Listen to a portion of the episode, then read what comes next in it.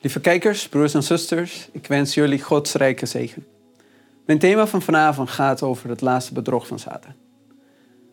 Bijna vier jaar geleden werd ik opgelicht toen ik geld overmaakte aan een verkoper omdat ik een artikel zo graag wilde hebben. Achteraf bleek het account van de verkoper gehackt en had ik het geld aan iemand anders overgemaakt. Dat was geen blijde ervaring voor mij. Het was zo zuur om dit te moeten accepteren. Ik ging naar de politie, en na veel over en weer gepraat met de politie heb ik het uiteindelijk bijgelaten. Er was heel weinig kans dat ik mijn geld terug zou krijgen, maar de ervaring was pijnlijk en ik had mijn les geleerd. Bedrog is pijnlijk en dat is precies de reden waarom we altijd alert moeten zijn, vooral als het gaat om onze verlossing. Er is een tegenpartij die elk moment van ons leven erop uit is om ons in zijn valstrikken te doen vallen. Er is iemand anders die altijd ons probeert te bedriegen. En dat is Satan. Hij is een meester van vermomming en illusionisme. Hij fraudeert en hij laat dingen verschijnen via aantrekkelijke manieren. Hij laat dingen er mooier eruit zien en onze aandacht van God weg te krijgen en op hem te richten. Johannes hoofdstuk 8 vers 44 zegt dat de duivel was een mensenmoordenaar van het begin af en staat niet in de waarheid. Want er is in hem geen waarheid. Wanneer hij de leugen spreekt, spreekt hij vanuit wat van hemzelf is, want hij is een leugenaar en de vader van leugen. Het woord leugenaar in de grondtekst betekent ook vervalser, valspeler. Hij is de vader van bedrog, vervalsing en fraude. De tekst zelf zegt dat hij vanaf het begin een mensenmoordenaar is. hij heeft de mens uitgelokt om het pad van dood en zonde te kiezen. Hij heeft ze bedrogen en misleid. Zijn beste strategie is in deze tijd om de mensen te doen geloven dat hij niet bestaat. Dat is heel slim, want dat betekent dat alles wat hij doet aan iemand anders wordt toegeschreven. Hij leidt de mensen van zichzelf af en laat ze de schuld geven aan andere mensen of aan God. Het laatste bedrog van Satan is zijn meesterwerk. Nu gaat het hem er niet meer om zichzelf te redden of Jezus te doden. Nee, het gaat nu om u en om mij. Onze zaligheid en de zaligheid van miljoenen mensen op deze aarde. Hij wil u en mij vernietigen en daarom gebruikt hij leugens en bedrog om dat te bereiken. Hij wil dat hij niks te bieden heeft en de enige manier om God pijn te doen is zijn schepselen, zijn kinderen in de afgrond te brengen. Zijn laatste misleiding is een netwerk van leugens. Maar de Bijbel heeft het antwoord voor ons en kan ons helpen om deze leugens te ontmaskeren, als wij maar trouw de Bijbel volgen. Laten we nu over het eerste bedrog gaan. Zijn laatste misleiding is in feite het eerste bedrog. Het is dezelfde leugen van Genesis 3. Eigenlijk omvat deze leugen alle andere misleidingen van Satan. We lezen in Genesis hoofdstuk 3, vers 4 en 5. Toen zei de slang tegen de vrouw: U zult zeker niet sterven. Maar God weet dat op de dag dat u daarvan eet, uw ogen geopend zullen worden en dat u als God zult zijn, goed en kwaad kennend. Als we terugkijken naar het eerste onschuldige koppel, zien we dat de mens in het paradijs niet voor eeuwig was geschapen. Hij was gemaakt met de mogelijkheid om eeuwigheid te ontvangen. In de hof hing zijn onsterfelijkheid van de boom des levens af. Hij moest altijd van de boom eten om onsterfelijk te zijn. In Patriarchen en Profeten staat op bladzijde 34: Om eeuwig te kunnen leven, moest de mens voortdurend eten van de boom des levens. Wanneer de toegang tot deze boom hem zou worden ontzegd, zou zijn levenskracht gedurig afnemen tot de dood zou komen. Dat betekent dat de dood in deze wereld kwam als gevolg van de zonde van Adam en Eva, zoals God het had gezegd. Maar in feite kwam de dood omdat de mens niet meer van de boom des levens mocht eten. Maar de mens stierf niet gelijk, omdat Jezus op dat moment tussen de mens en de gevolgen van de zonde stond en het op zichzelf nam. Jezus nam de plaats van de mens als plaatsvervanger. De Bijbel is heel duidelijk over de toestand van de doden. 1 Timotheus hoofdstuk 6 vers 16 zegt dat alleen God onsterfelijkheid bezit. In 1 Corinthiërs 15, vers 52 en 53 zegt dat men onsterfelijkheid zal ontvangen op het moment van de wederkomst van Jezus, bij de grote opstanding van de gelovigen. Hier staat, in een ondeelbaar ogenblik, in een oogwenk, bij de laatste bazuin, immers de bazuin zal klinken en de doden zullen als onvergankelijke mensen opgewekt worden. En ook wij zullen veranderd worden. Want dit vergankelijke moet zich met onvergankelijkheid bekleiden en dit sterfelijke moet zich met onsterfelijkheid bekleden. Dit betekent dat de ziel van de mens niet onsterfelijk is. In feite gaf God de mens geen ziel, maar hij maakte van stof een levende ziel. Het begin van de ziel was het moment van de schepping. De ziel was niet een deel van God. De ziel was het gevolg van de verbinding tussen de levensadem of scheppende kracht van God en de pop van modder die God had gemaakt van de aarde. Over de levensadem of geest die God aan de mens gaf bij de schepping, leert de Bijbel duidelijk dat deze niet een onafhankelijk of denkende entiteit is die beslissingen kan maken of kan voelen. De levensadem is de scheppende kracht van God. Het is net als de schakelaar die de verbinding maakt tussen de stroom en de gloeilamp. Dan heb je licht. Op het moment dat je het licht uitmaakt, wordt deze verbinding verbroken. En het licht bestaat op dat moment niet meer. Het gaat nergens heen. Het bestaat gewoon niet. Je moet het weer aanmaken met een schakelaar. De ziel bestaat op het moment dat God het stof van de aarde schakelde met zijn ruach of scheppende macht, dat de mens een levende ziel werd. Genesis hoofdstuk 2 vers 7 zegt, toen vormde de Heere God de mens uit de stof van de aardbodem en blies de levensadem in zijn neusgaten en zo werd de mens tot een levende ziel. Dit is wat de grondtekst zegt. De ziel wordt ingeschakeld. Het komt als gevolg van de verbinding van twee elementen. En de dood is de tegenovergestelde formule. Prediker hoofdstuk 12 vers 7 zegt... Het stof keert terug naar de aarde zoals het was... en de geest keert terug tot God die hem gegeven heeft. Maar de dode weet van niks. Hij heeft geen flauw idee over wat er gebeurd is in zijn omgeving nadat hij gestorven is. Prediker hoofdstuk 9 vers 5 en 6 zegt... Want de levenden weten dat ze sterven zullen. Maar de doden weten helemaal niks. Ze hebben ook geen loon meer. Maar hun nagedachtenis is vergeten. Ook hun liefde. Ook hun haat. Ook hun afgunst is afgegaan. Ze hebben geen deel meer voor eeuwig aan alles wat er onder de zon plaatsvindt. De drie belangrijkste elementen van een persoon worden uitgeschakeld op het moment van de dood. Ten eerste zijn dat de emoties. De Bijbel zegt dat de dode geen liefde of haat of afgunst voelt of heeft. Ten tweede het intellect. Er staat immers dat zij niks weten en niks hopen. Zij hebben geen herinneringen meer. En het derde element is de wil. Ze kunnen niks meer willen. In de gelijkenis van de rijke man en Lazarus zegt Jezus in Lucas, hoofdstuk 16, vers 26, dat tussen de dood en het leven er is een grote kloof is aangebracht. Dat, zodat ze die van hier naar u zouden willen gaan, dat niet kunnen en ook zij niet, en ook zij niet die van daar naar ons zouden willen gaan. Contact tussen de levenden en de doden is dus onmogelijk. In deze gelijkenis staat letterlijk dat de bedelaar Lazarus stierf en dat hij begraven werd. Maar dit verhaal blijft een gelijkenis waaruit een les genomen kan worden. De gelijkenis dient echter niet als sterk argument om aan te tonen dat de ziel onsterfelijk is of het wel of niet bestaan van de hel. Neem bijvoorbeeld het feit dat Lazarus genomen wordt naar de schoot van, van Abraham. Lucas, hoofdstuk 20, vers 37 en 38 zegt dat Abraham, Isaac en Jacob dood zijn en, op, en opgewekt zullen worden bij de opstanding. Een ander punt is de beloning van de gelovigen.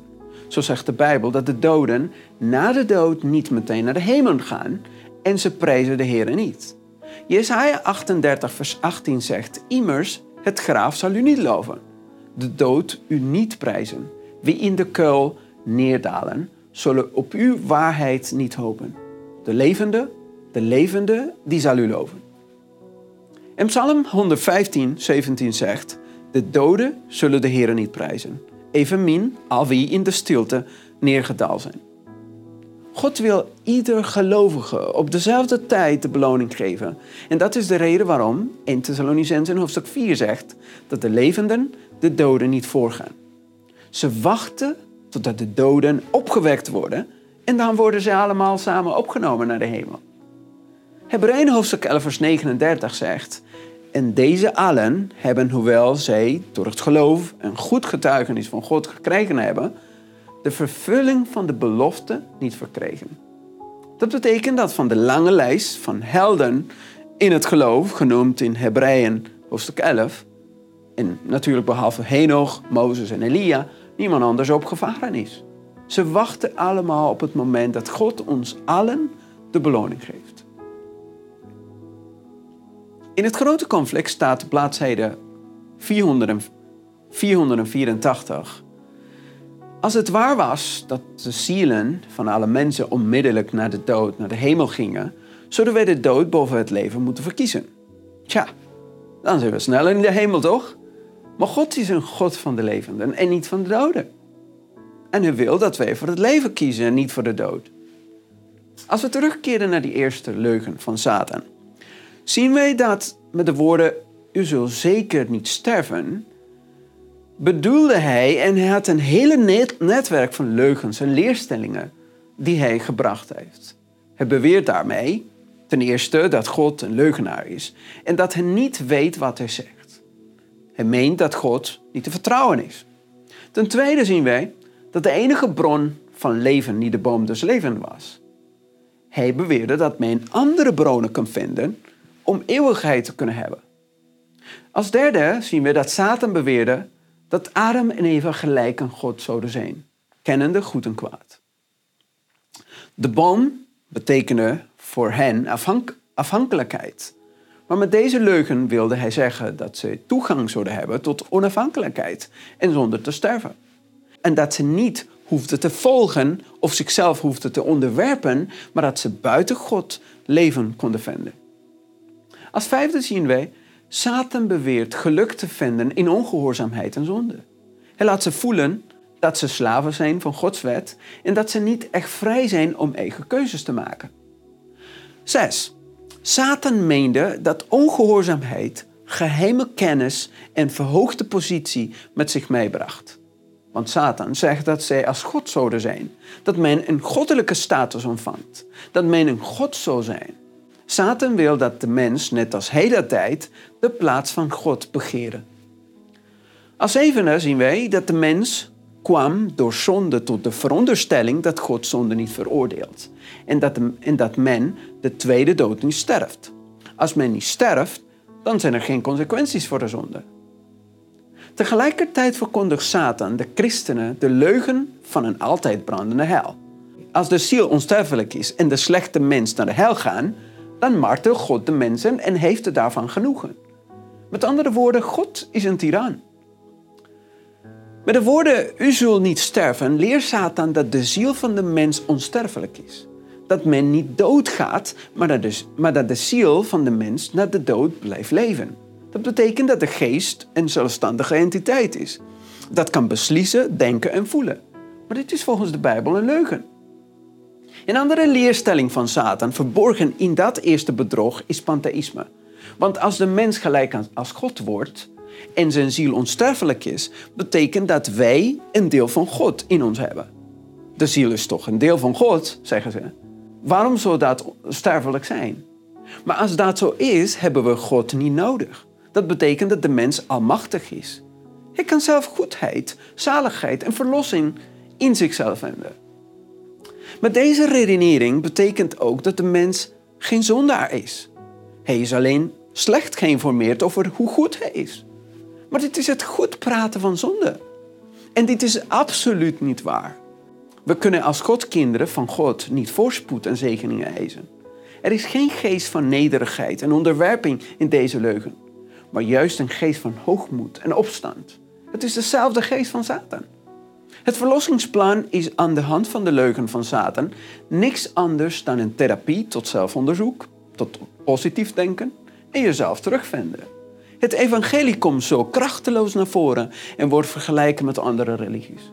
Als dat zo is, is er juist geen kracht in het evangelie. Je hebt, je hebt dan als mens de kracht om te veranderen. Dus niet meer van boven, maar van, van binnenuit kan je dingen veranderen. Een andere heel gevaarlijke bedrog is spiritisme. Als de mens niet doodgaat, kunnen wij met de doden communiceren. Ik lees het grote conflict op bladzijde 495. De leer dat de mens na de dood een bewust leven leidt en vooral het geloof dat de geesten van de doden terugkeren om de levenden te dienen, heeft de weg bereid voor het moderne spiritisme. Satan kan de gedaante van hun gestorven vrienden voor de mensen doen verschijnen. De vervalsing is volmaakt. De bekende trekken, de woorden, de stem worden buitengewoon nauwkeurig nagebootst. Maar laten we niet vergeten dat God alle contacten met de geestelijke wereld en het communiceren met de doden verbiedt. De, Bijbel noemt dit een grote gruwel in de ogen van God. Als laatste wil ik ook noemen reïncarnatie. Als de ziel onsterfelijk is, bestaat de kans dat de ziel terug kan komen en reïncarneren. Maar dat is absoluut tegen de Bijbelse leer. Eerste geschriften, bladzijde 206 zegt... Satan wist dat indien deze dwaling werd aangenomen... God door velen gehaat zou worden...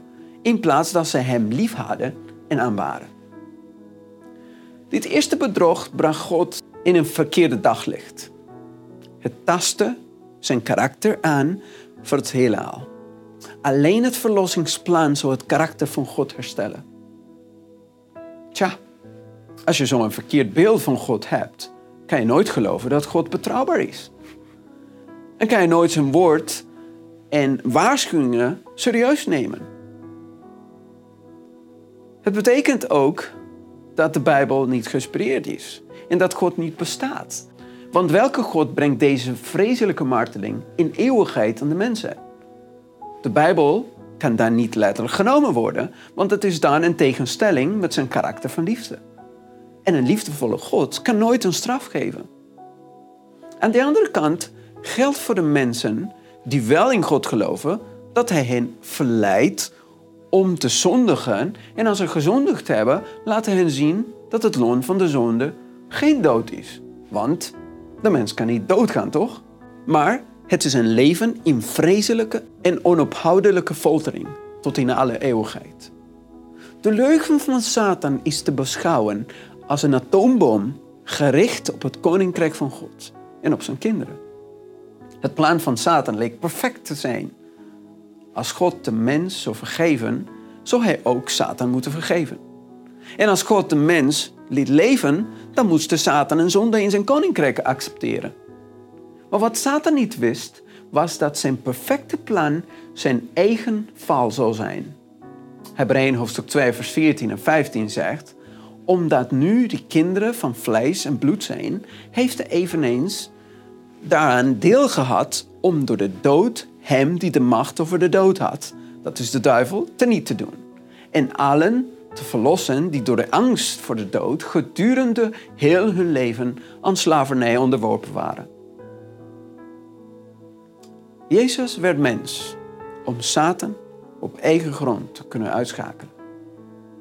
Jezus zou Satan overwinnen in de natuur van de mens om niet alleen zijn reputatie te herstellen, maar ook de mens tot het originele niveau terug te kunnen brengen. Ik kan me nog herinneren, toen ik 20 jaar was, dat ik op de markt van Paramaribo, Suriname, op straat een deel van mijn beperkte maandsalaris wilde uitwisselen.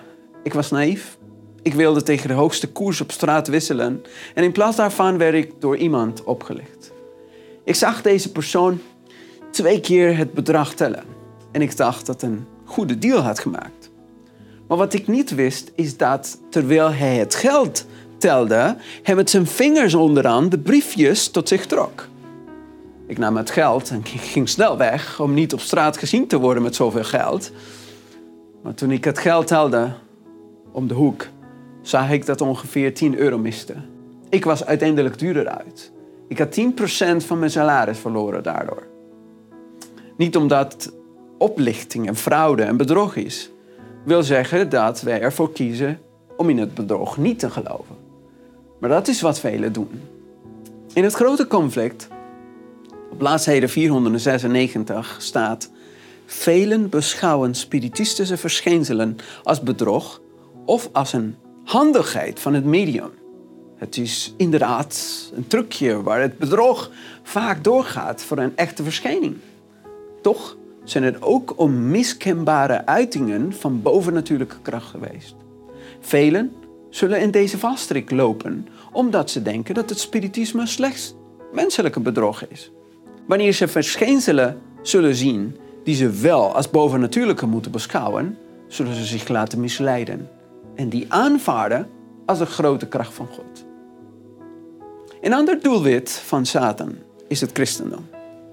De kerken vandaag de dag zijn niet vrij van de laatste misleidingen van Satan. Het is een feit dat het spiritisme op dit ogenblik een gedanteverwisseling ondergaat. Het heeft een christelijke kleedje aangedaan en verbergt tegelijkertijd enkele van zijn meeste verwerpelijke kenmerken. Verder staat geschreven op bladzijde 529. Naarmate het spiritisme het zogenaamde christendom van tegenwoordig, van tegenwoordig meer benadert, nemen zijn kansen om de mensen te misleiden en te verstrikken ook toe. Volgens de moderne opvattingen heeft zelfs Satan zich bekeerd. Hij zal verschenen als een engel des lichts. Door de werkingen van het spiritisme zullen wonderen worden verricht. Zullen zieken worden genezen. En zullen nog vele andere miskenbare wonderen worden gedaan. De geesten zullen beweren dat ze in de Bijbel geloven en zullen de inzettingen van de kerk eerbiedigen. Daarom zal hun werk worden aanvaard als een uiting van Gods kracht.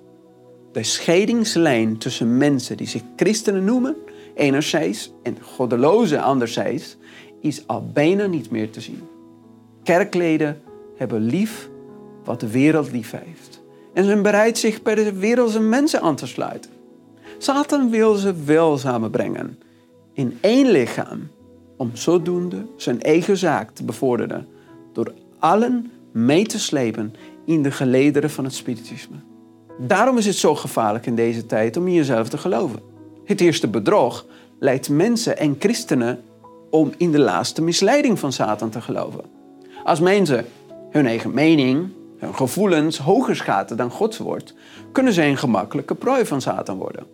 Als de kerken wonderen en bovennatuurlijke ervaringen hoger stellen dan wat geschreven staat, laten zij gemakkelijk deze bekeerde vijand binnen en worden zij net als Eva, misleiders van Satan. En laten zij andere mensen erin vallen. Vandaag de dag is het zo moeilijk voor iemand om te geloven wat staat geschreven.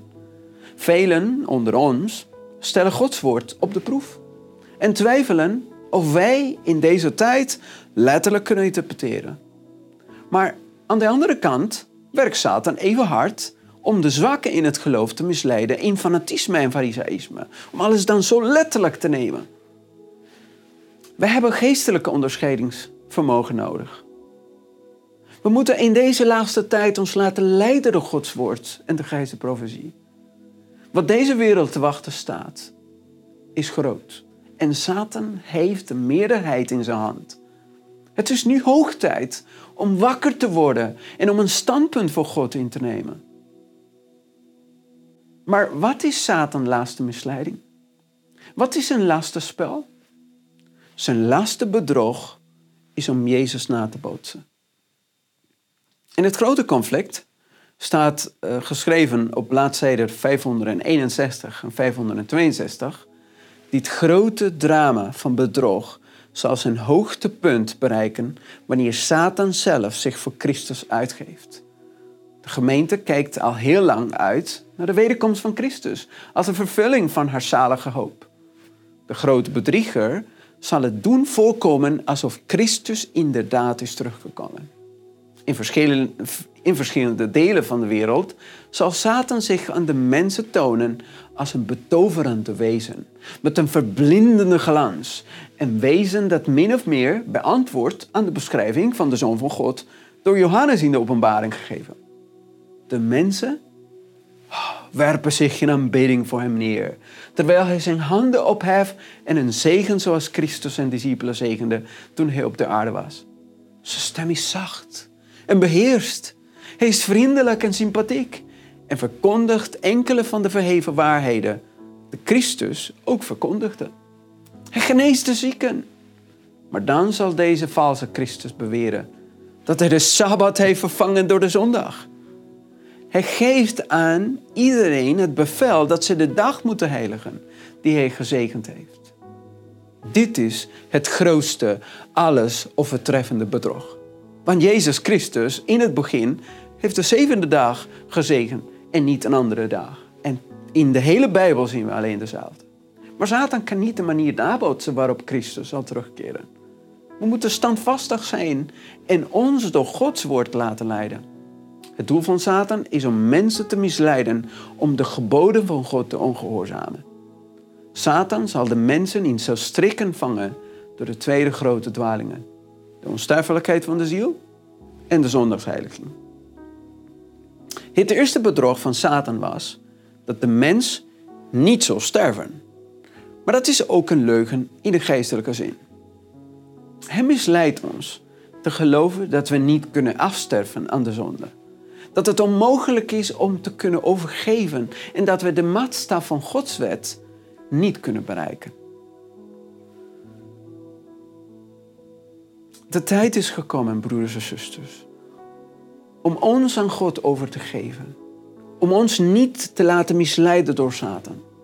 Laten we de wereld en wereldse dingen loslaten. En definitief voor Jezus kiezen. Laten we alert zijn voor de misleidingen van Satan. En overwinnaars zijn op de zonde. Jezus zal ons bijstaan als wij Hem toelaten in ons leven. En Hij zal ons daarbij nooit in de steek laten. Laten we samen en standvastig zijn tot het einde toe. En laten we met z'n allen overwinnaars zijn in de Heer. Is mijn wens en gebed. En voor jullie allemaal een gezegende nieuwe week. Amen.